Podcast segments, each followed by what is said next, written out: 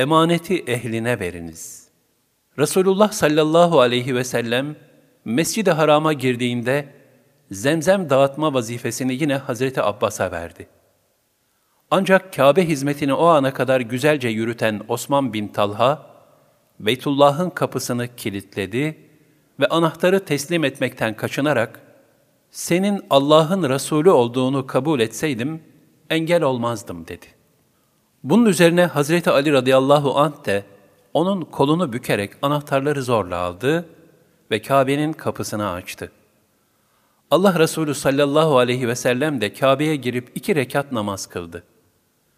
Daha sonra Hazreti Ali, vuku bulan bu hadise dolayısıyla Hazreti Abbas radıyallahu anh'ın da teşvikiyle Kabe hizmetinin Abdülmuttalip oğullarında birleştirilmesini Resulullah sallallahu aleyhi ve sellem'den talep eyledi. Hazreti Peygamber sallallahu aleyhi ve sellem önce bu talebi kabul edecek olduysa da aşağıdaki ayet-i kerimenin nazil olması üzerine bu vazifeyi tekrar Osman bin Talha'ya tevdi eyledi. Allah Teala buyurur. Allah size emanetleri ehline vermenizi, insanlar arasında hükmettiğiniz zaman adaletle hükmetmenizi emreder. Allah size böylece ne güzel öğüt veriyor. Şüphesiz ki Allah işiten ve görendir.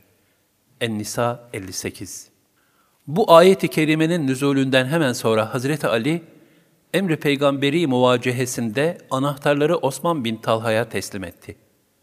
Ve ayrıca ondan özür diledi. Bu adalet ve hakkın tevzii karşısında şaşıran Osman bin Talha da büyük bir itminan içinde kelime-i şehadeti ikrar ederek Müslüman oldu.